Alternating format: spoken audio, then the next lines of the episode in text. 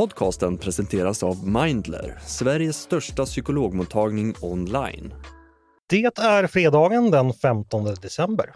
Jag heter Andreas Eriksson och du lyssnar på Ledarredaktionen, en podd från Svenska Dagbladet.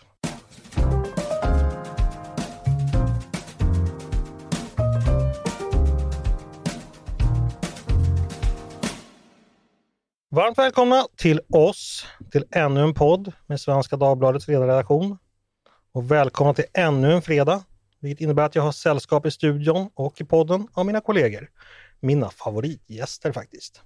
Och just idag så heter de Tove Livendal, Mattias Svensson och Peter Wemblad. Hej på er! Hej! Hej, hej, Hej, hej. hemskt mycket hej. Hej Mattias! Du vilade förra veckan. Är, är du redo nu? Oh ja. Ja. Jag brukar alltid fråga om Tove om hur det går med hennes julförberedelser, men känner att jag förfördelar dig. Du firar väl också jul? Det händer. Ja, och eh, hur, hur går det med, med förberedelserna? Ja, Hinner du med väl- allt? Det är väl lite tidigt. Ja, bättre att börja nästa fredag kanske. Ja. Du, vem hade snyggast klänning på Nobelfesten? Vad är det för jävla fråga? Ja, det är ett sånt där kallprat som Eh, man... ja, eh, vi har ju en eh, prao-gäst i studion som hade eh, säkert den snyggaste klänningen. Bra svarat. Tove, hur har din vecka varit? Jo, men den har varit eh, bra faktiskt. Jag har hunnit med en sväng till Visby bland annat. Perfekt. Du, jag ska passa på att tacka för ett fantastiskt födelsedagsfirande av undertecknad i veckan. Tack för det. Väl bekomme. Hörni, ni lyssnare, ni borde skaffa er Tove som kollega eller chef. Eh, Det är fantastiskt. Eh, Det som jag firades med var alltså en pepparkaksrulltårta. Alltså nästan eh, hedonistiska hybrider. Alltså det, var, det var sagolikt. Du Peter, jag frågar dig som jag frågade Paulina förra veckan. Har du bakat struvorna, lutat fisken och kryddat snapsen? Då fick jag inget begripligt svar. Har du ett till mig? Jag är faktiskt klar med julklapparna Ja, och jag har bestämt sillinläggningen. Så jag Du- ligger bra till. du, du har ju lite auran att vara klar vid julklapparna typ så här 10 november. Du vet det? Jag kan säga att jag aldrig varit så, tidig, så här tidig förut. Vad, vad ger mig den auran? Ja, nej men den har du bara. Du, vem hade snyggast frack på Nobelfesten? Oj, jag följde faktiskt inte eh, Nobelfesten och jag såg att Ulf Kristersson hade någon lite konstig krage. Så att eh, jag vet inte.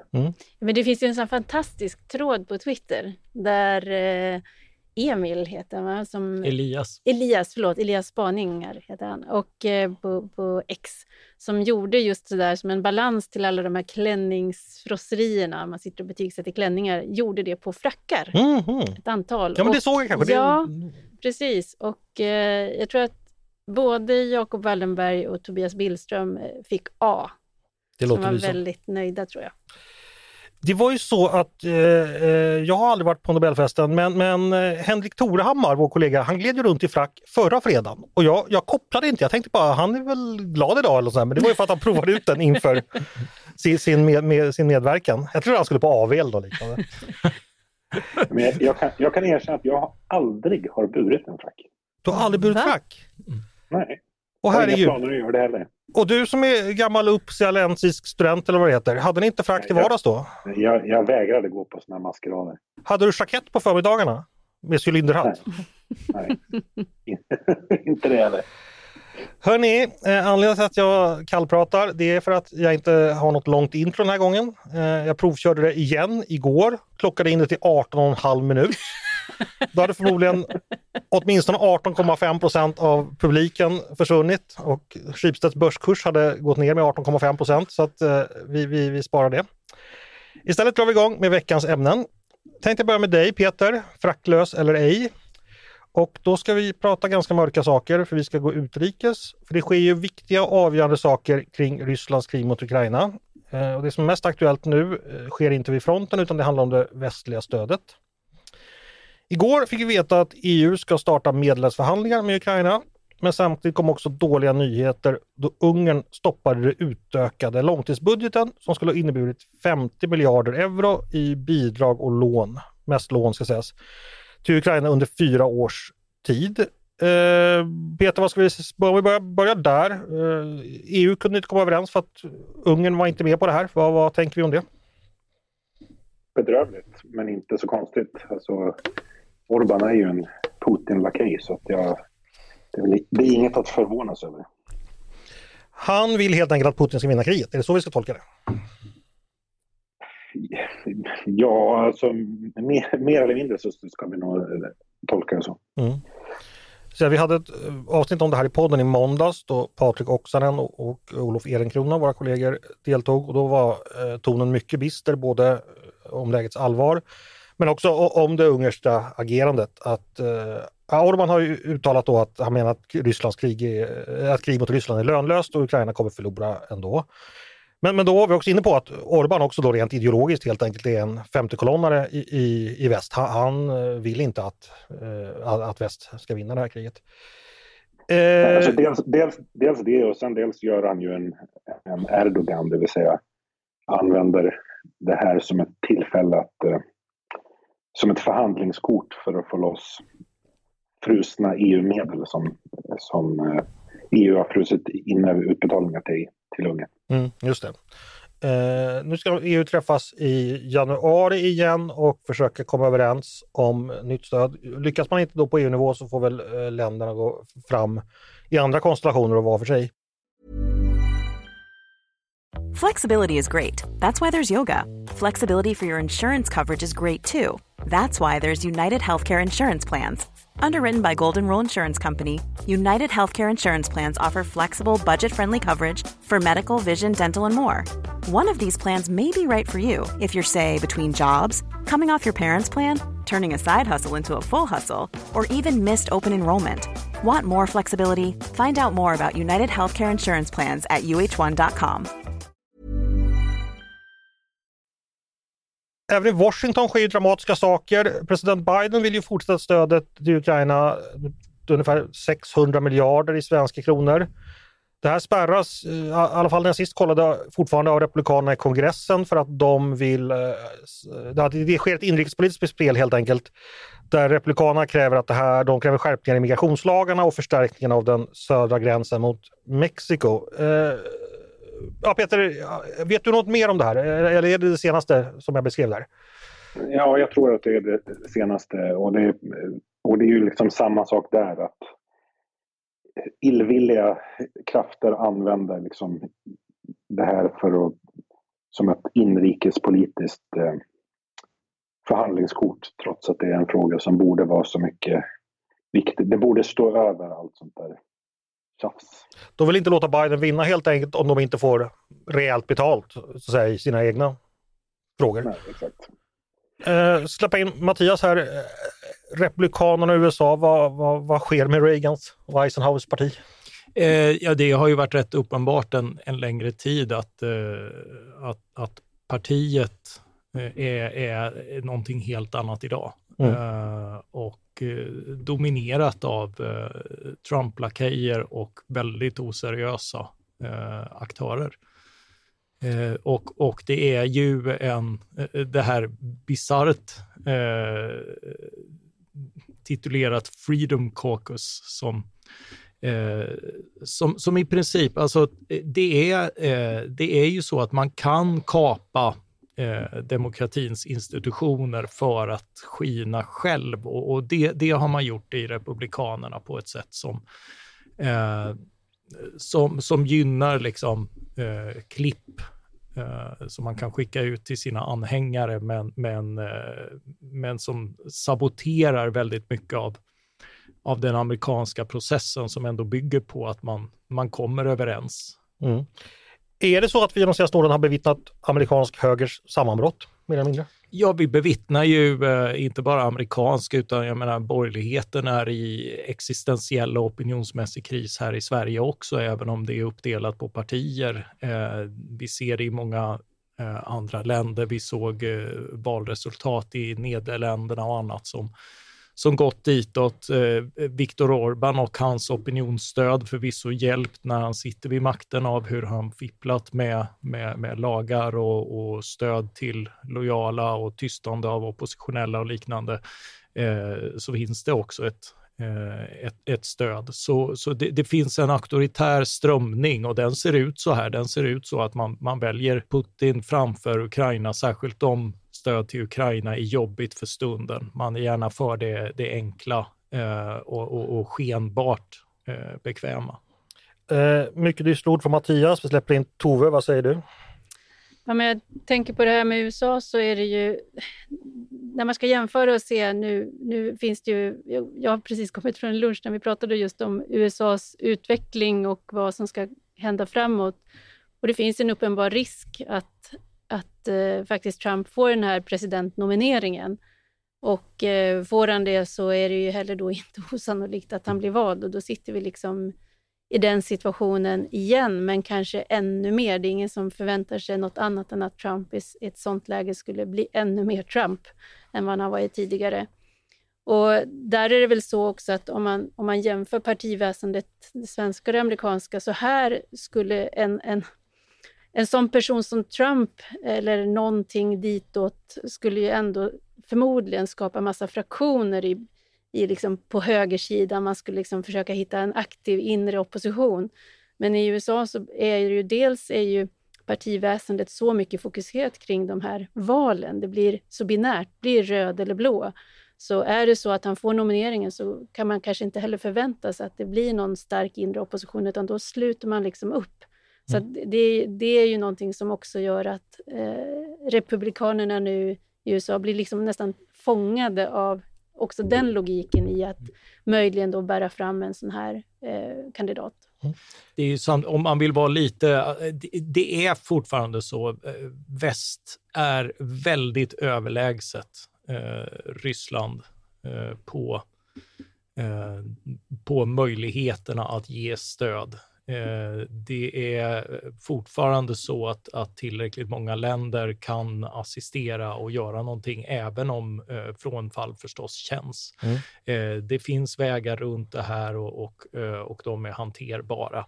Eh, så så alltså det, vi, vi, får inte glömma bort att, att, att det liksom finns en en, en, möjlighet att värna någonting viktigt här och att, eh, att, att det, både det negativa, liksom, tro, tron att, att Ryssland kommer att nöja sig och lugna ner sig och, och, och återgå till att sälja billig gas till oss eh, om, om vi bara ger efter i Ukraina, den är fullkomligt naiv. Eh, och, och det andra är att Eh, möjligheterna finns. Vi ska inte underskatta väst och demokratins styrkor och vad man ändå har lyckats enas kring. Det är ju väldigt viktigt. Eh, man kan ju säga då också att eh, Putin och hans lakejer vill ju ibland framställa väst som eh, på dekis och svagt och, och så. Men, men man ska komma ihåg att väst är ju det dit folk vill och det är där folk vill leva. Det är så att säga inga flyktingströmmar om de inte ja, ska användas som hybridkrigsföring som leder till varken Moskva eller Peking eller Teheran. Det är inte dit nej, världens befolkning nej, och, vill. Och, och, ungdomarna lämnar i drivor därifrån. Precis. Tove?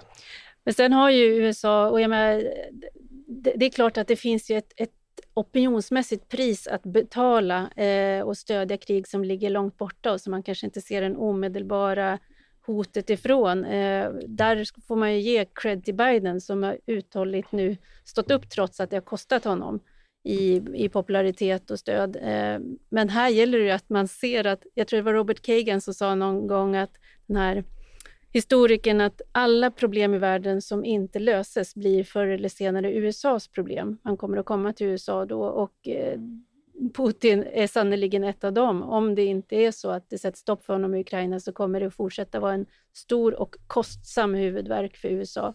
Och det, det tror jag Biden har förstått, men det gäller också att det finns tillräckligt många republikaner som kan förstå det. Sen är inte det säkert att det hjälper, för Trump har bevisat att han, eh, han drivs väldigt mycket av att också så att säga, gå sin egen väg oavsett konsekvenserna. Mm. Jag ska gå tillbaka till Peter. Nu blir det mycket om USA, men vi ska då prata om stödet till, till Ukraina. Det är ju så att eh, väst befinner sig då via Ukraina i indirekt eh, kraftmätning, krig mot, mot Ryssland. Men än så länge har ju väst inte så att säga gått över till någon form av, av krigsekonomi. Alltså vårt liv har ju inte förändrats. Vi uppoffrar ingenting. Det finns inga extra skatter, inga inkallelser, inga ransoneringar, inga avkall på någonting överhuvudtaget här i väst. Utan det vi, vårt stöd är ju än så länge liksom via ordinarie försvarsbudget också. Så min fråga kokar ner till, borde vi kanske gripas av en större krisinsikt och börja anpassa samhälle och ekonomi till den här situationen? Ja, eller bara för att liksom illustrera utmaningens omfattning. Här. Alltså att näst, här efter årsskiftet så lägger den ryska statsbudgeten så kommer, jag tror det är mellan 6 och 8 procent av den ryska statsbudgeten som kommer gå till kriget eh, nästa år. Eh, eller 68 procent av, av BNP. BNP. Mm. Men en tredjedel av den ryska statsbudgeten. Mm.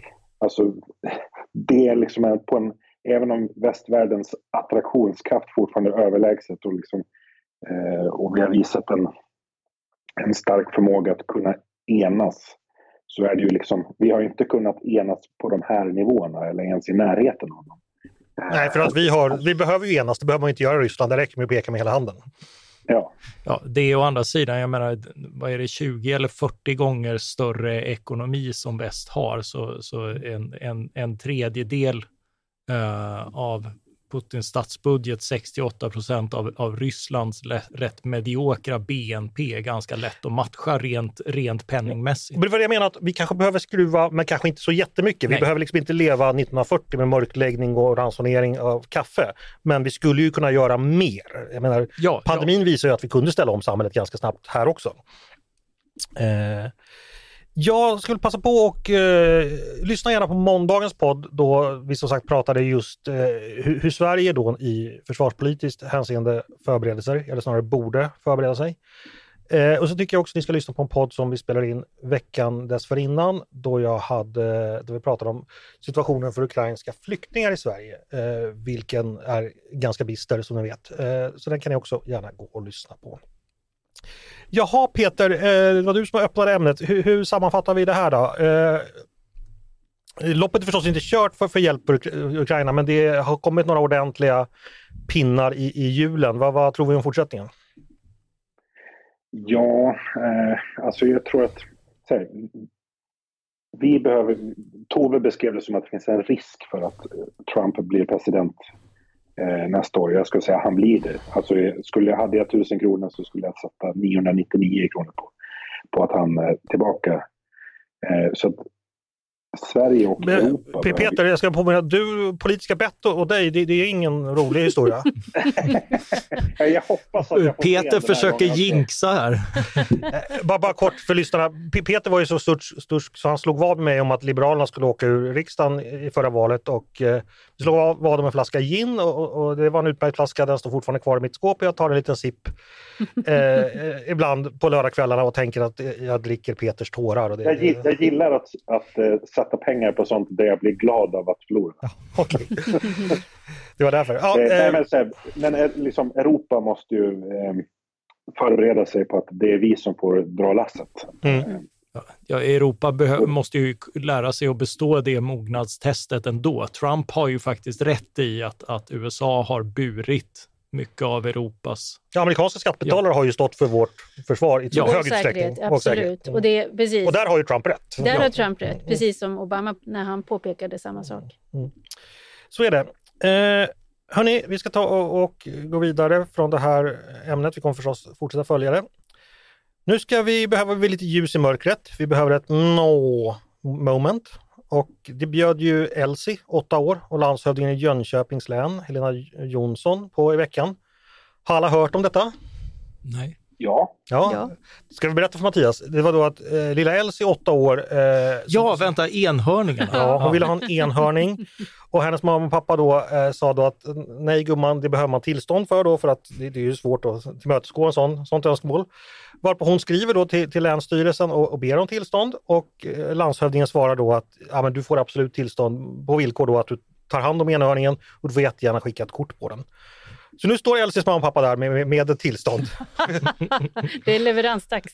det är leveransdags. Eh, Peter, du är ju van och, och med länsstyrelser och, och dess eh, byråkrati. Det här var väl ett ovanligt eh, klokt beslut för att vara en läns, länsstyrelse? Jag, har- jag har aldrig någonsin sett ett, så, en sån smidig beslutsväg. Nej, det kanske var någon som pekade med hela handen här, hela hornet också här. Precis. Nej, jag tänker men Jonsson. man, ja. man, man önskar ju att länsstyrelserna var tillmötesgående för alla typer av verksamheter, inte bara de som i fantasin. I synnerhet restaurangverksamhet på, på, vid strandkanten på Gotland. Precis. Ja. Eh, jag tänker då, Helena Jonssons förordnande går ju ut i januari. Det är kanske därför hon vågar fatta sådana här självständiga och kanske i vissa ögon kontroversiella beslut. Eh, Jag såg Och det är det, faktiskt, eh, det är faktiskt en gotlänning som tar över. Jaså, ja det är det, okej, trevligt. Ja, det är Br- Brittis Bensler, nu landshövding i Halland. Är det någon du har suttit någon nämnd med? Jajamän, hon var nämndordförande. Jag har till och med skrivit en artikel om henne på vår sida om att hon är en, en förebild. Du har ju suttit i nämnd med typ halva Gotland känns det som. Det är inte så det blir ju så när... Mattias, vad skulle du säga? Eh, nej, men, eh, nu är det källa internet, liksom, men eh, att eh, Irland tydligen fattar något parlamentsbeslut varje jul om att ge tomten inflygningstillstånd. Ja, och eh, NORAD, den nordamerikanska eh, luftförsvarscentralen, brukar ju ha, skicka ut kartor var tomten befinner sig över, för att de håller ju koll på honom via satelliter och sånt där. Ja. Jag tänker att med Tidöavtalet så blir det ingen plats för en sån godhetsposör och kroppsaktivist som far omkring. Men det, men det finns en del sådana där fina eh, saker även i Sverige. Förs, försvaret, flygvapnet har ju sin granfly, årliga granflygning. Ja, Mm. Precis, den blev tyvärr inställd. eh, Den skulle vara i Skåne tillsammans med det danska kungliga flygvapnet, men dåligt väder ställde in den. Men jag tror den ska vara i Stockholm nu i helgen, så det får man ju hålla utkik Och över. sen tror jag att det gör kust... Eh, alltså det sker- någon marin version på det där också någonstans. Fantastiskt. ja och eh, posten, Postnord, eh, har väl någon sån här eh, med breven till tomten. Mm. Eh, eller det kanske, var, det kanske de har skippat nu med allting annat. De, de, de kommer till först i juli, tror jag de kommer fram. Ja, Hörni, eh, vi lämnar enhörningen och går vidare. Eh, en liten intern nyhet jag tänkte bara kort vi ska nämna. Tove får då ordet. För i veckan presenterades ju nyheten att Svenska Dagbladet får nya ägare. Eh, det är det, då som, det som har varit Schibsted News, där vi och bland annat också Aftonbladet då, säljs till Tinius som är den stiftelse som är en av Schibsteds storägare. Eh, och kvar i Schibsted blir då renodlat Marketplace. Tove, vad betyder det här om något? Ja, eh, det innebär att eh, det blir en renodling av eh, en ganska brokig affärsverksamhet. Och Det är ju ganska stor skillnad på mediehus och marknadsplattformar. Och eh, där har, har Schibsted nu bestämt sig för att de tror att det blir bättre att man delar upp, renodlar så att man får bli två riktigt bra bolag inom sina respektive nischer snarare än att försöka göra en stor stor eh, ja, blandning av allting. Och eh, det gör då att Tinius, som också är huvudägare då i Schibsted, eh, är tänkt att köpa den delen som då kommer heta Schibsted Media. Och eh, jag tror ju att det är logiskt. Jag hoppas att det blir bra. Det blir en långsiktig ägare till en tidningsverksamhet, vilket är bra. Vi kommer ju, det innebär också att tidningsverksamheten inte kommer längre att vara på börsen.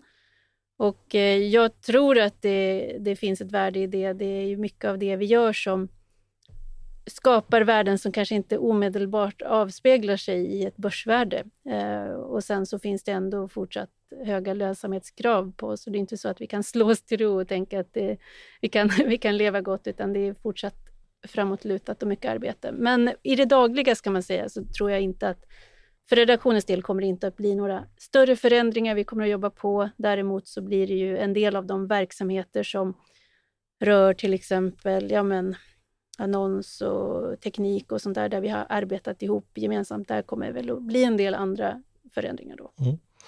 Jag säger att då eh, köpeskillingen för hela det här var ju drygt 6 miljarder och då, då är väl någon räknenisse, då har man ju fått fram det genom att fundera över framtida lönsamhet för, för Svenska Dagbladet, och Aftonbladet och, och andra.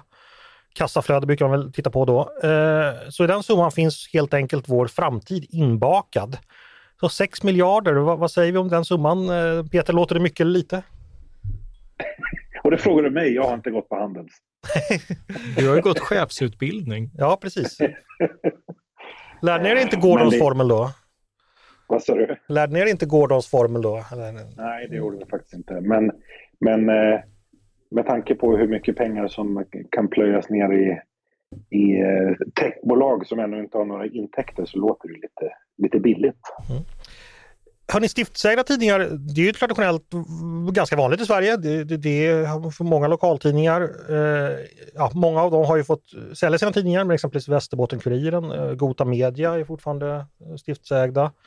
Så det är ju egentligen ingenting konstigt. Eh, jag ska bara nämna här, Anders Malmsten som eh, skriver ett mycket intressant nyhetsbrev om media, han hade en intressant spaning som jag bara ville redogöra för. Som, som handlar om eh, Marketplace då, för att Eh, Schibsted Market, eh, Marketplace, början på det, det var ju köpet av Blocket för 20 år sedan. Som man då köpte för 183 miljoner, vilket ansågs vara jättemycket för Blocket var en liten verksamhet. Jag tror de bara hade två anställda. Men det har ju liksom blivit och följts upp och finns i massa andra länder och sådär. Och nu är det totala börsvärdet för Schibsted 69 miljarder. Och då, är ju då eh, 6 miljarder för vi i nyhetsmedia då, då är det ju 63 miljarder kvar för Marketplace. Och det är alltså Blocket och alla dess efterföljare som har blivit så mycket värt så här 20 år senare. Så att eh, det, det säger ju någonting med en viss samhällsutveckling i alla fall. Liksom. Eh, Ja, mer än iakttagelse. Intressant va Tove? Ja, men Vi är i alltså- fel bransch. Nej, fast jag, jag tycker att det, det, har, det, har, det har ju som man säger på politikspråk tjänat oss väl att vara i Schibsted-familjen och det kommer vi ändå fortsatt att vara. Och det är, tycker jag, väldigt kul att dela familj med sådana verksamheter som verkligen ligger i framkant. Därför att det är klart att det spiller över på oss också. Hela mediebranschen har ett behov av att förnya sig, att fortsätta hitta former för att göra kvalitetsjournalistik, men där, där framtidens konsumenter vill möta oss. Så att jag tycker att det är, det är rätt ställe att vara på, i närheten av den verksamhet som ändå också lyckas göra de här stora marginalerna. Mm. En intressant iakttagelse det är ju då att Marketplace och media kanske inte behöver varandra i samma utsträckning som tidigare. Alltså, jag menar, de kan ju köpa annonsplats när de vill och kan ju, eller köper väl mer snarare på andra ställen än i traditionella medier. Eh, så det är intressant. Eh, Jag ska passa på och rekommendera Anders Malmstens eh, nyhetsbrev och medier. Eh, Det kan man teckna upp sig på gratis och det tycker jag faktiskt man ska göra. Så det tar vi en rekommendation där. We love our pets, but when the floor is covered in fur, that's harder to love. Eufy X10 Pro Omni Robot Vacuum has powerful 8000 PA suction to make hair vanish from floors in just one pass. Plus, the roller brush has automatic detangling for easy hands-free maintenance. Want to know more? Go to eufy.com. That's EUFY.com and discover X10 Pro Omni, the best in class all-in-one robot vacuum for only $799. Då går vi vidare. Då ska Mattias få hålla låda lite, för han och jag ska äntligen få prata, ma- prata makro. Eh, vi passar på när Paulina är borta och inte kan göra miner åt oss. Eh, du har skrivit en text i veckan som handlar om Riksbanken, eller Riskbanken som också... Ja, det var ju oemotståndligt. Det var oemotståndligt. Vad, ja, vi börjar hisspitchen, vad, vad, är, vad är poängen? Eh, ja, poängen är ju att det är lite grann en illustration av, av eh, den här Parkinsons cykelskjulsparadox. Att eh, han, han tänkte sig en diskussion på ett kärnkraftverk eh, och liksom då, det komplicerade fysiska och eh, ekonomiska satsningar och sånt där. Det var inte så viktigt, men, men om cykelskjulet och hur man skulle bygga det och vad det skulle stå, det kunde alla ha en åsikt om. Så det tog liksom oproportionerligt stor tid. Eh, och det här är en typisk fråga som, som eh, rör så många miljarder att folk inte bryr sig. Mm. Eh, men det är ju Riksrevisionen som det. kommit med en rapport om de här så kallade kvantitativa lättnaderna, att, eh, att centralbanken utöver att sänka räntan till noll och minusnivåer, kanske för att inte sänka mer, för att driva den expansiva politiken ännu längre så pumpar man ut krediter i samhället genom att köpa obligationer. Mestadels handlar det om att ta över statsskulden. Eh, och, eh, och sen så eh, när, när de blev riktigt glada under pandemin så började de även köpa kommunala obligationer och privata. Eh, mycket, mycket i eh, Bland, bland företagssektorer så blev det fastighetsmarknad till exempel. Och Riksrevisionen när man utvärderar, hur, hur, lyder, hur lyder utfallet? Eh, ja, det blev, eh, de kallar det en dyrköpt erfarenhet eh, därför att eh, det, eh, det innebar ju då när, när, man, när man köpte de här obligationerna med låga räntor som löper på i tio år eh, och sen har räntorna stigit, det vill säga du kan köpa mycket fränare obligationer idag Eh, då sjunker ju de i relativt värde. Det är ingen som vill ha dåliga när det finns bättre. Eh, och eh, den finansiella kostnaden beräknas idag. Det beror förstås på hur det faller ut och, och hur räntorna utvecklas framöver. Men det beräknas förlusten till ungefär 61 miljarder kronor för närvarande och, och det verkar som Riksbanken har behövt gå till statskassan och behöva begära 80 miljarder kronor, vilket är en påminnelse om att ja, de är lender of last resort, alltså den yttersta garanten för betalningssystemet och för, för finanssektorn. Men det är ju vi skattebetalare som är den yttersta garanten för, för deras verksamhet. Det är precis, det är, det är ner till botten av våra fickor det så småningom når. 80 miljarder, är det, någon, är det över flera år eller hur, hur ska det tillföras? Eh, eh, ja, det, nej, det är en engångs, engångssumma. Ja. Eh, som, som behövs i, i tillskott. Jag vet inte riktigt när, när den kommer och hur det tekniska ser ut för det, men jag antar att, jag antar att vi lånar och att det då blir, om vi lånar av Riksbanken eller av andra, eh, vet jag inte riktigt. Men, men kommer tror, det här dyka upp i ordinarie statsbudget eller nej? Eh, jag, jag, jag tror det är extraordinära ja. eh, utgifter. För man tänker 80 miljarder, det är mycket det, ja, så här det sent i månaden. Ja, ja, det är faktiskt mer än, eh, än reformutrymmet ligger på för hela statsbudgeten. Ja, det var, det var väl 40, var det inte det? Ja, det brukar ligga där omkring. Ja. Det, det varierar ju lite. Nej, för det var stod mig, innehavet då var ju då 975 miljarder 2021, alltså nästan en, en biljon. Det är, ja ja, det är också mycket pengar. Ja, det är svindlande och det, Ja, och, och det, är, eh, det har verkligen rusat iväg under de här åren. Man började, det är en period 2015 till 2019 när, när man helt enkelt under högkonjunktur får för sig att tokstimulera ytterligare med de här uppköpen.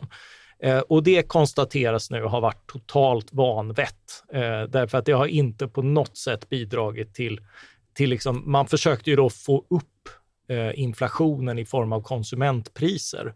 Men den här typen av stimulanser har ju istället lett till rally på bostadspriser och där aktiepriser. Ja. ja. Eh, så man har ju gynnat då eh, ja, aktieköp och bostadsköp. Mm. eller framförallt bostadsägande för oss som redan har köpt. Precis, vi gick inte och, och eh, brände upp det här helt på konsumtion utan vi köpte dyrare bostäder eh, med pengar vi inte hade så de fick vi låna och alltså ökade krediterna ja, rejält. och trösten är att det var billigt att låna ja. då. Eh, och och eh, det, det, det har liksom varit en, eh, en minnes. Sen var det under pandemin det blev oroligt och då menar eh, Riksrevisionen att det gjordes en initial, ett initialt köp av obligationer i, i mars 2020 eh, som var lite mer motiverbart eftersom, eftersom det uppstod en osäkerhet, delvis på grund av att, av att den här sektorn var ganska skuldsatt och över, övervärderad. Eh, men därefter så gjordes ytterligare, där, där satsar man uppköp på, alltså första året 2015 tänker man sig ett tak på sitt totala innehav på 100 miljarder. Eh, och det fördubblar man redan samma år på oklara grunder. Eh, och sen går det där upp till ungefär 370 miljarder under, fram till 2019. Eh, sen 2020 så kom man på att man ska smälla 300 miljarder till eh, under pandemin. Och sen höjer man upp det till eh, under 2021 till 700 miljarder totalt och ser dessutom, även om man inte ser ett behov av det, så blir det en prestigefråga. Det är många som är oeniga här, men, men att, man, att man verkligen köper upp de här obligationerna, inklusive då i, i, för att gynna enskilda företag och, och inte minst fastighetsbranschen. Mm. Vad är den penningpolitiska lärdomen för framtiden? Om vi väljer in dig i riksbanksfullmäktige nu, vad, vad skulle din, ditt råd vara? Eh, ja, alltså vad alla de här, eh, liksom Finansinspektionen och, eh, och Riksrevisionen och, och ett antal eh, kritiker som Lars Jonung och Fredrik N.G. Andersson som har varit med i den här podden eh, ett antal gånger, eh, pekat på är att just de här kvantitativa lättnaderna, eh, mycket av den här politiken för att, eh, för att under en hel, det här är ju stabiliseringspolitik egentligen, men nu har man under en hel eh, konjunkturcykel, alltså även när ekonomin går bra, försökt att rusa motorn genom att stimulera, stimulera, stimulera. Eh, och det har, inte fått, eh, det, det, har inte gett önskvärt resultat, men däremot en massa oönskade resultat. Och, och när, när vi nu summerar, när nu räntorna gått upp igen, eh, så summerar vi ännu ett sådant resultat i, i, i, i liksom att eh, obligationerna man köpt sjönk i värde och blev ingen vinst. För fråga dig, det, det, det låter ju här som det du beskriver är ett stort misslyckande det penningpolitiska ansvaret, hur utkrävs det när vi har det system vi har? Eh, det, det, är ju, det är ju svårt därför att eh, Riksbanken är ju oberoende och det, det var en institution vi skapade för en tid när eh, eh Alltså hela det här maskineriet är gjort för att hålla inflationen låg. Eh, och, eh, för det, det har ju varit problemet från 70 eh, och 80-talet att inflationen var väldigt hög också i västvärlden, precis som vi har haft de här senaste åren. Vi mm. märker vad det innebär för, för löner och köpkraft. Det drabbar vanliga människor. Fast då hade vi en förväntningsinflation. Nu har vi haft en, real, eh, en utbudschock på reala tillgångar som blivit dyrare. Den gången blev det ett självspinnande hjul så att säga på 70-talet. Ja, ja det, det, tog fart på ett annat sätt eftersom... Ja, det, eller det började med oljekrisen. Ja, men... ja. Men, men... Och, och, eh, men, men grejen, är, grejen är att då, då när du är återhållsam med krediter och så blir det ju ungefär samma sak som eh, då, då, får du ju ner också konsumentpriserna. Mm. Det, det, hade effekt på priserna som det inte hade nu när man tvärtom försökte få upp priserna till, eh, till den här 2% målet för konsumentpriser som man har haft som någon sorts ledstjärna. Mycket talar ju för att det är en hygglig proxy för goda tider, alltså när inflationen är på väg att dra iväg för mycket, men, men att det att det inte gör någon skada för ekonomin om man inte når det om man ligger nedanför. Ja, priserna är så gott som oförändrade? Ja. Och det finns... Andreas, är, är, det, är det så här det är att gå på handel? Är det sådana här seminarier man går ja, det, det är nog lite mer matematiskt då. Varför avbryter du oss Peter? Vill du inte, tröttar du där borta? jo, nej, men, nej men poängen är ju att det här har gjort, eh, det här eh, har haft ett, satt ett antal avtryck i ekonomin. Det har gjort rika rikare genom att gynna bostadsägande. Eh, det har också handlat om att få ner kronans värde. Det har varit ett uttalat mål här eh, och, och många av ingreppen och det har de ju verkligen lyckats med. Eh, så, eh, så liksom, och det innebär ju att eh, bensin, livsmedel och annat blir dyrare för folk som är beroende av, av konsumtion och transporter, medan det däremot varit gynnsamt att äga bostad, inte minst i storstad. Så hela den här konflikten vi har mellan, mellan eh, storstad och landsbygd har ju liksom eh, förvärrats. Klyftorna där har ju förvärrats av den här politiken på en strukturell nivå. Eh, och, och, innebär att, att eh, centralbanker, inte bara i, i Sverige utan eh, över hela västvärlden, har bidragit till mycket av den polarisering vi ser. Så det här har ju haft reala konsekvenser fast folk kanske inte har koll på att det här är anledningen. Mm. Men åter till min fråga det här. Det, det, politiska ansvaret här som du säger, det blir mm. svårt att utkräva med det system vi har. Bör vi skruva på något sätt så att det, det kan utkrävas eller att vi, vi skapar andra funktioner eller är vårt penningpolitiska maskineri rätt riggat tror du för framtiden? Eh, det är inte rätt riggat eftersom man inte har insett att, eh, att, att, att, det var en dålig idé att, att med alla medel försöka hålla priser, eh, prisökningstakter uppe. Okej, så det, det är en dyrköpt läxa? Det, det är en jättedyrköpt läxa, men man har i alla fall förstått att de här, alla de här metoderna man har haft för det här, det har inte varit bra.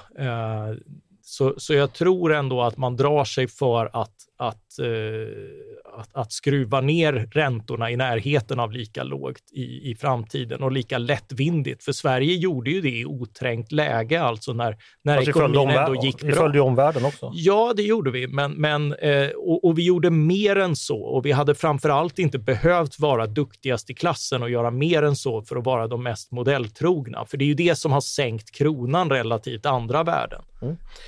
Mattias, jag skulle kunna fortsätta hela dagen med det här. Men mm. du har ju Peter, han hoppar ju upp och ner, han vill prata strandskydd och förstår. Ja, ja eh, miljonfrågor istället. men, men det här har ju ritat om hela våra samhällens kartor. Det här, det här har bidragit till polarisering, till oro, till en sämre ekonomisk utveckling. Eh, just, just att det har varit enklare att göra klipp på att förstå eh, vad centralbankerna gör har gjort eh, hela finansmarknaden mindre intresserad av att hitta eh, hitta liksom nästa växande företag och liknande. Så eh, precis som med, med annan inflation, så när de här kreditstimulanserna har, har styrt ekonomin så har, så har det styrt bort ifrån eh, alltså real, realia och fundamenta, alltså det som, det som verkligen ökar produktionen och, och, våra samhällen li, lider ju av den dekisen och, eh, och, och behöver därför få eh, rimligare förutsättningar. Så är det absolut. Eh, vi ska förstås fortsätta bevaka den här frågan i podden. Som Mattias nämnde så har vi ju haft en del penningpolitiska diskussioner och det är ju intressant och det är Ja, det känns som det finns väldigt mycket att utforska här som egentligen inte varken vi eller andra ledare eller någonting nej, riktigt grottar nej. i. Liksom. Eh, och, och, det här är ju, alltså vi har haft, eh, vi har haft en jättestor utredning eh, ledd av Per Molander som tittat på eh, ökande inkomst eh, eller skillnader, ekonomiska skillnader i samhället. Mm de har inte tittat på penningpolitikens roll i detta, vilket, vilket jag tycker är enormt anmärkningsvärt. För det här är ju en stor, stor elefant. Ja, och det är också ju med, med jämlikheten i, i, samhället att vissa då sitter med, med avbetalda hus som har haft väldigt höga värden som ja. har köpt i rätt tid och hela tiden kunnat köpa Medan andra har inte någonting, när de, ja, framförallt ungdomar då som ja, ska komma in. Ja. Liksom, vilket som du säger skapar enorma skillnader helt enkelt mellan människor som inte har någonting med, med arbete eller produktivitet i övrigt att göra. Precis. Uh, och, och, och, ändå har man, har man ignorerat det här för att för sossar handlar det liksom bara om att ha en ursäkt och höja skatten för folk. Det är det enda de ser. Eh, och så mäter man inkomstskillnader för där har man statistiken och så där. Så, eh, och, och, och det krävs, alltså vi har inte riktigt modellerna för det här, men det är ju, det är ju en rätt eh, låg kostnad att ta fram dem jämfört med med att göra om misstaget. Mm. Just det. Eh, vi återkommer strax till frågan. Nu ska vi gå vidare eh, och då ska vi prata om en annan tråkig sak som har skett i veckan som jag tror alla har hört talas om. Det var ju eh, ute i Ursvik var det i veckan en allvarlig arbetsplatsolycka. En bygghiss som rasade ihop och fem personer som arbetade på det här bygget i, i Ursvik och Sundberg dog alltså. Eh, och det har ju förstås blivit diskussion om det här efteråt. Eh, arbetsplatsolyckor är, ju ett stort problem som har diskuterats länge. De, I många år så, så, så minskar de. De var ju väldigt, väldigt många förr. Nu är det inte, tack och lov, inte så många, men i år verkar det vara lite mer än vanligt. Eh, Peter, vad, vad kan du säga om det här? Vad ska vi börja med? Olyckan i sig, att den sker i... Alltså byggbranschen är farlig av naturliga skäl. Eh, det är också en bransch där det ibland talas om att säkerheten ibland, ja, det, det, det, det är en lite rörig bransch kan man väl säga. Jag skulle inte säga att den är farlig, den är riskfylld. Ja, riskfylld, precis. Eh, den, den innehåller många naturliga risker. Alltså arbetsplatsolyckor i Sverige är ju väldigt koncentrerat till tre branscher egentligen. Det är eh, jordbruket, byggbranschen och transport branschen. Just det. Eh, nej, och, det, och det, den här förfärliga olyckan, det är naturligtvis omöjligt att i nuläget att veta i, vad ska säga, i vilken grad den går att koppla till den allmänna situationen på, på, eh, i byggsektorn. För det är ju så att det finns... Det, det, det är rätt, på många håll rätt rörigt med eh, underentreprenörer i flera led eh, en stor arbetskraftsbrist som har, som har gjort att det är, liksom, det är mycket utländska företag som är verksamma. Många eh, ans, av de som jobbar som kommer från andra länder så var det ju i det här fallet också. Eh, det var väl fyra av de fem omkomna som inte var eh, från Sverige. Mm. Men, men med det sagt så, så du har helt rätt i att, att eh, så här många dödsolyckor har vi inte haft på ett antal år. Men det är fortfarande så att trenden har varit nedåtgående under väldigt många år. Eh, att den nu ökar. Alltså, ja, nu har vi haft liksom stora olyckor. Det var ju också, det gick ju ner under pandemin. Ja, precis. Jag ska bara för lyssnarna kort berätta att eh, vi, har, vi har statistik på det här tillbaka till 50-talet och då dog nästan 500 personer varje år, år i arbetsplatsolyckor. Eh, de har minskat med 90 procent kan man säga då sedan, 50-talet. Eh, och ännu då i, under 00-talet så var det då, jag sitter med siffrorna framför mig, det var 58, 68, 68, 75, 68 de åren. Nu har vi haft då 52 i, i år. Eh, tyvärr kanske det sker någon till, men vi är fortfarande under 00-talets nivå. Men, men vi kan säga att den här trenden har ju stagnerat under de senaste tio åren. Det minskar inte längre, med undantag då just för pandemin då det bara var 24 under 2020, vilket ju hade naturliga orsaker.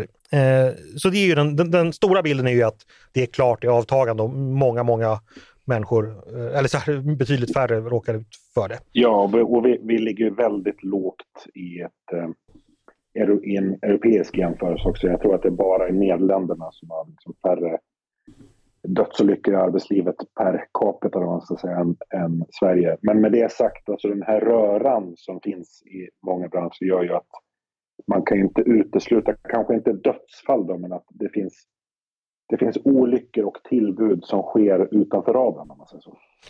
Precis, och med, rörlig, med röra menar du då liksom att det förekommer eh, underentreprenörer och, och i, i, flera lager helt enkelt. Och, och, man, ja, det är väldigt spridda aktörer som agerar kanske på samma plats. Ja, precis. Alltså, ansvaret är väldigt utspritt. Eh, ja, men och sen så finns det ju oseriösa aktörer också. Vi har ju... Alltså, kriminaliteten har ju ätits in även i den här eh, branschen. By byggsektorn är ju en ganska tacksam bransch om man vill tvätta pengar. Eh, vad säger du Tove om, om det här? Det var länge sedan du pratade. Socialdemokraterna har ju varit ute och eh, vill att regeringen ska då eh, vad var det, redovisa vad, vad, man gör åt saken. Är det här en politisk fråga av, av den, den digniteten så att säga?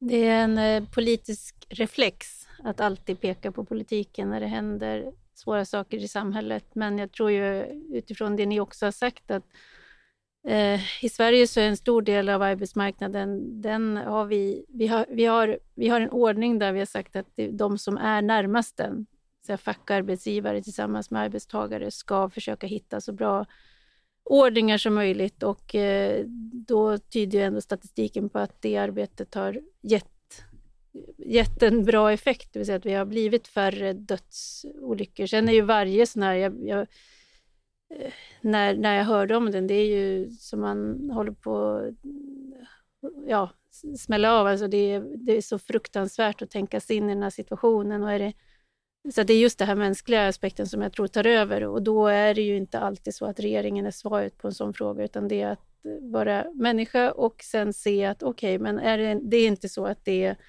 det, det är någonting omedelbart här som regeringen ska göra just, men det finns ju anledning att, att fortsätta arbetet att, med att så, göra arbetet så säkert och tryggt som möjligt. Mm. Socialdemokraterna krävde en handlingsplan eh, från regeringen. Eh, kolla upp det. Eh, hörni, vi, vi, måste gå vidare om vi ska hinna med allting idag. Eh, och nu har det faktiskt blivit dags för mitt favoritmoment, eh, det som heter Svar direkt, då jag stresstestar mina kollegors politiska reflexer och förmåga att, som jag brukar säga, blixtsnabbt skilja gott från ont och sant från falskt. Det går helt enkelt så till så att jag likt ett upplägg från Ali Esbati som Jimmy Åkesson kan smasha ner till massor av nya väljare erbjuder mina kollegor möjlighet att slå en dödande smash på ett nyligen lagt förslag. Och det gör man genom att säga ja eller nej eller säga jag är för eller jag är emot. Helt enkelt ge svar direkt. Är ni redo? Ja. Ja. ja. Härligt.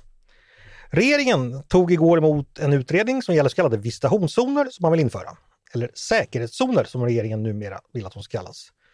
Det är områden som pekas ut av polisen där man sedan ska kunna kroppsvisitera personer och söka igenom fordon. Eh, det handlar konkret om en ändring av polislagen där säkerhetszoner kan införas två veckor i taget om det finns 1. En påtaglig risk för skjutning och sprängning. 2. Risken är hänförlig till en konflikt mellan grupper. Och 3. Det är av synnerlig vikt för att förebygga och förhindra den aktuella brottsligheten. Vad säger Svenska Dagbladets ledarredaktion? Är ni för eller emot det här förslaget? Jag vill ha svar direkt. För. För. Försiktigt för. Då är du odd out på det. Vad oroar du dig för? Eh, överanvändning och institutionaliserande av en ordning som, som innebär ett väldigt stort integritetsintrång och pekar ut, eh, gör det liksom utpekning i vissa områden. Eh, Båda dessa argument togs faktiskt upp på pressträffen såg jag, att, mm. och risken för diskriminering just också. Ja, men, men det finns en dansk förlaga som är just temporärt och kopplat till väldigt tydliga, eh, här, här är det hot, vilket jag tycker är lite, för där, där är det vad jag förstått händelser aktuella händelser. Men, men eh, på något sätt, det, det, måste finnas. Jag har blivit lite tyvärr eh, mer skeptisk av hur man slentrianmässigt förlängt eh, de här gränskontrollerna i, i just eh, grannzonen mot eh, Danmark med liksom eh, på säkerhetshot som är nya varje år. Mm. Precis. Eh, Okej, okay. då fick vi lite argument eh, emot där, men övriga var för.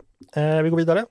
Regeringen och justitieministern, de var verkligen igång igår. De hann också presentera en utredning om möjligheten att Sverige ska hyra anstaltsplatser utomlands. Orsaken är då förstås att regeringen anser det nödvändigt att låsa in fler personer under längre tid och då räcker inte anstaltsplatserna vi har till längre. Beläggningen idag är 96 procent. Vad tycker vi om detta då? Eh, att Sverige hyr anstaltsplatser utomlands? Är vi för eller emot? Jag vill ha svar direkt. Mot. För. Varför är du för Peter? Ja, jag tror att det, vi kommer vara så illa tvungna. Eh, kriminalvården lämnade ju igår, tror jag, var sin uppdaterade analys över hur många fängelseplatser som kommer behövas inom tio år. Eh, om man bara liksom ser på skrivningar i Tidöavtalet. Och det är, idag är det 9 000 och kriminalvården bedömer då att det är 27 000 om, om, eh, inom ett decennium. Mm. Och så många fängelseplatser bygger du inte i Sverige på ett decennium. Och ljuva framtid. Eh, Mattias, varför är du emot? Eh, jag tror det blir dyrt och dåligt. Mm. Eh, alltså ta bara, hur, hur ska du jobba och ha kontroll över eh, en jag menar, det är en sak att låsa in folk och det är, det är prio ett, men prio två är ju att på något sätt ändå försöka styra tillbaka så många som möjligt till ett fungerande mm. liv. Uh, och det blir förstås mycket svårare och dyrare om du ska försöka göra det någon annanstans. För ibland, precis, ibland så är ju den här typen av uh, utlokaliseringar och sånt där kräver i sin tur en kontrollapparat på hemmaplan som blir det blir dubbelt så mycket helt enkelt. Ja, vi har ju sett till exempel med de här föreställningarna om asyl utomlands eh, som var populära förslag, förståeliga förslag eh, för några år sedan, att det, det blev dyrt och väldigt orättssäkert. Och jag är rädd att vi får lite grann en sån en sån effekt där man liksom kan, eh, kan liksom tilltala en, en eh, helt annan publik med liksom att ja, men titta här hur strängt och dåligt och jävligt vi skickar folk till. Uh, och så finns det folk som gillar det. Uh, det kan ju ge kortsiktiga applåder, men, men eh, det är väl inte riktigt så man, man bör behandla människor. Vi får se vad utredningen kommer fram till. Uh, en till hinner vi med. ytterligare ett regeringsförslag som duggar lika tätt som, som glöggen så här års. Eh, kunskapen om det svenska samhället behöver stärkas hos de som kommer till Sverige. Därför ska en särskild utredare göra en översyn av samhällsorienteringen. Utredarna ska bland annat föreslå utbildning, hur utbildningen kan bli obligatorisk och föreslå ett nytt innehåll med ökad tonvikt på bland annat jämställdhet. Det meddelade eh, arbetsmarknads och integrationsminister Johan Persson när han föreslog den här Sverigekursen i veckan. Och det motiveras med att det är viktigt att öka kunskapen om myndigheternas roll i samhället, rättsstatens principer, möjligheten till demokratisk delaktighet samt allas rätt till yttrande och religionsfrihet. Vad tycker vi om detta? Obligatorisk Sverigekurs för nyanlända. Är vi för eller emot? Jag vill ha svar direkt. Emot. För. Emot. Varför är du för? Ja, alltså det är liksom det här man säger obligatoriskt för att det är ju det att eh, om jag, om jag tar ett annat förslag som jag talat med på den här obligatorisk språkförskola så är det ju det för de som behöver det. Och det är klart att det här, eh, det jag tror att man siktar på är ju de personer som har kommit ifrån länder som väsensskilt har annan kvinnosyn än vad som finns i Sverige och där det har tagit sig mycket obehagliga uttryck för kvinnor på landets badhus till exempel. Och där har ju Mustafa Panshiri som gästade podden häromdagen gjort ett fantastiskt arbete i just utbildning av, av eh, nyanlända för att berätta vad gäller i Sverige. Så att den sortens verksamhet tycker jag är viktig. Jag tycker att det ska finnas, det ska inte vara brist på kunskap som gör att man beter sig på ett sätt som inte funkar och sen exakt hur det ska gå till och, och ja, det är en annan fråga. Men jag tycker grundidén att se till att människor vet vad det är för land de har kommit till och vad som, vad som gäller här, det tycker jag är bra. Peter, varför är det här ett dåligt förslag? Ja, det är ett uttryck för den där övertron på att saker och ting kan informera sporten. Talar du om folkpartism Sven... nu eller? Ja, precis. Svensk, den svenska studiecirkelsjukan. Ja. Eh, Okej, okay. eh, Johan Persson får tummen ner av Peter och Mattias. Eh, Tove tyckte han har skött sig bra.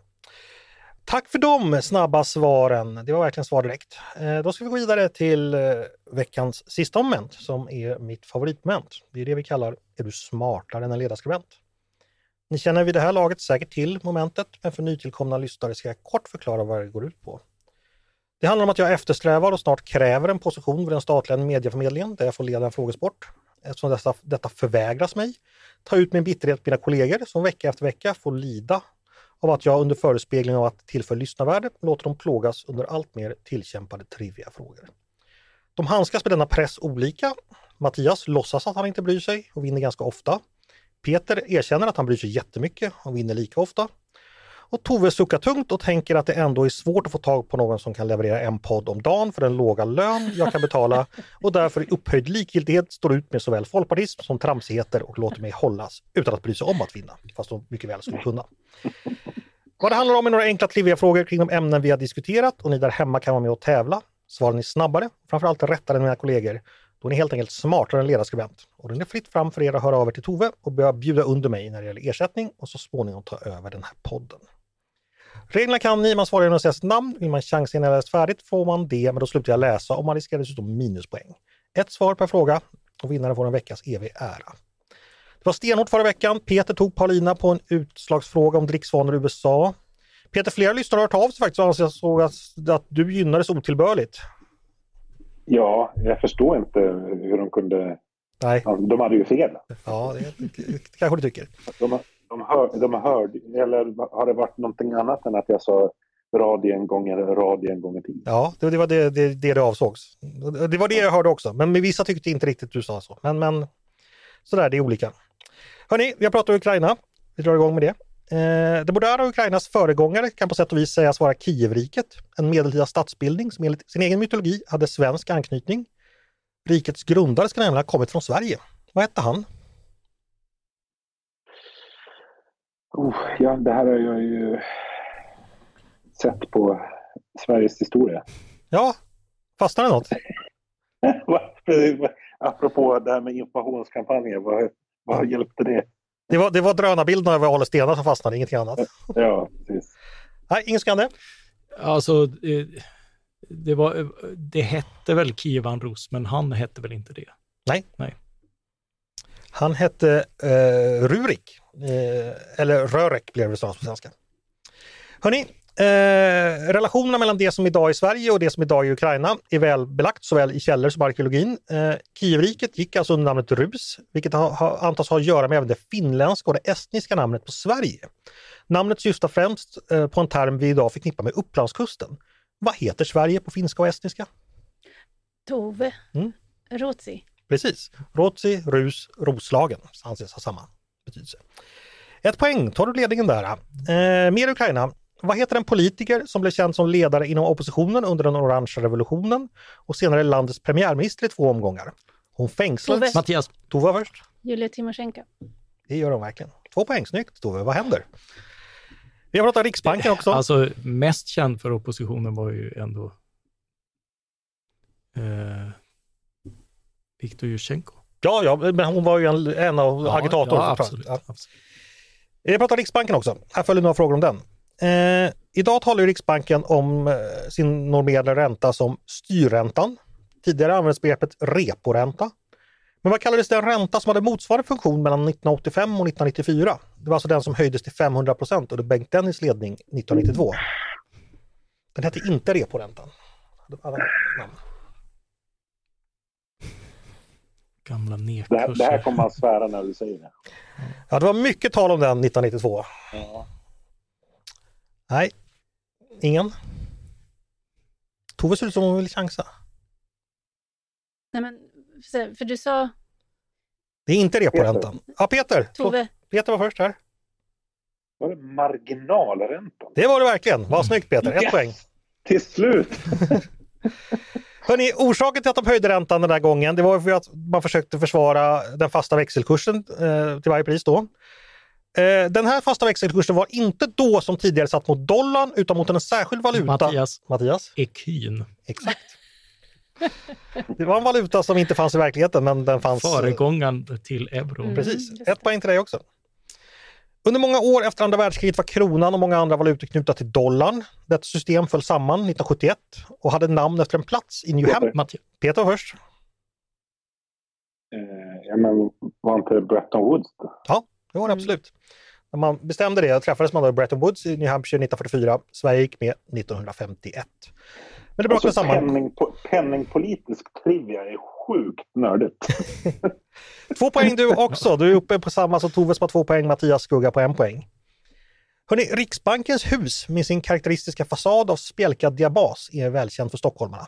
Vid vilket torg ligger byggnaden? Tove. Tove? Brunkebergstorg. Absolut. Tre poäng. Sista fråga där. Vad hette arkitekten som också ritat Kulturhuset som ligger alldeles intill?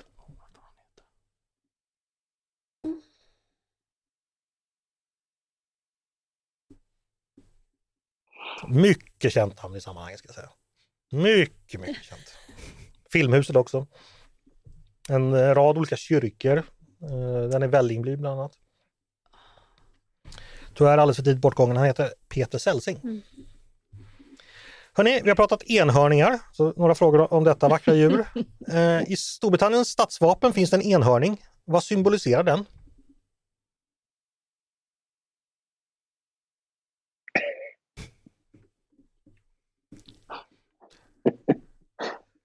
Eh, svaret är eh, Gotland. helt rätt. Det var alltså vår praoelev här.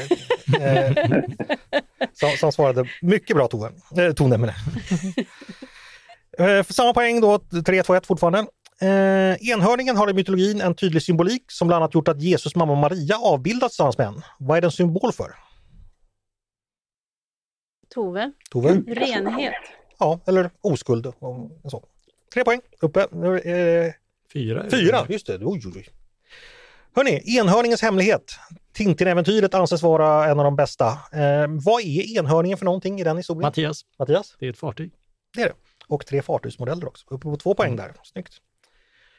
Under medeltiden salufördes elfenbenshorn till höga priser i Europa. De kom förstås inte från, eh, från el, elfenben. Enhörningar. Stopp! Under medeltiden salufördes enhörningshorn till höga priser i Europa. De kom förstås inte från enhörningen utan från ett marint däggdjur. Vilket då? Som man då lurades att... Mattias, Mattias? är det valross? Nej, inte Alros. Peter, Peter? val.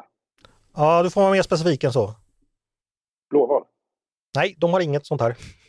Det är en speciell, eh, väldigt märkligt djur som har, har det faktiskt som horn. Ja, men jag, okej, jag trodde man gjorde det av sk- valskelett. Nej. Men då, eh, Nej, den hette narval faktiskt.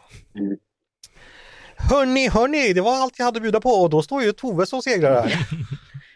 Det är nog första gången. Jag var, I förra avsnittet var jag ju inte ens smartare än en åttondeklassare. Nu, nu om ni undrar då varför flaggan kommer vaja utanför Schibstedhuset här. Det var ju, jag tror det var Snacka om nyheter, jag vet inte om ni minns det programmet, när då en av de som var med, han från På håret, hette han Stefan Grundén eller något sånt där. Ja. Han vann ju bara, fjärde säsongen vann han för första gången. Då, då flaggade de utanför TV-huset i Malmö. Ja, det är lite min roll i sammanhanget. Jag, jag eh, ska ta med mig en tårta på måndag för att fira detta. Grattis Tove, en veckas evig ära är din. Tack! Ja, som jag brukar säga, det här var det jag hade att bjuda på idag. Hoppas ni är nöjda. Mycket nöjd. Peter, är du, är du nöjd?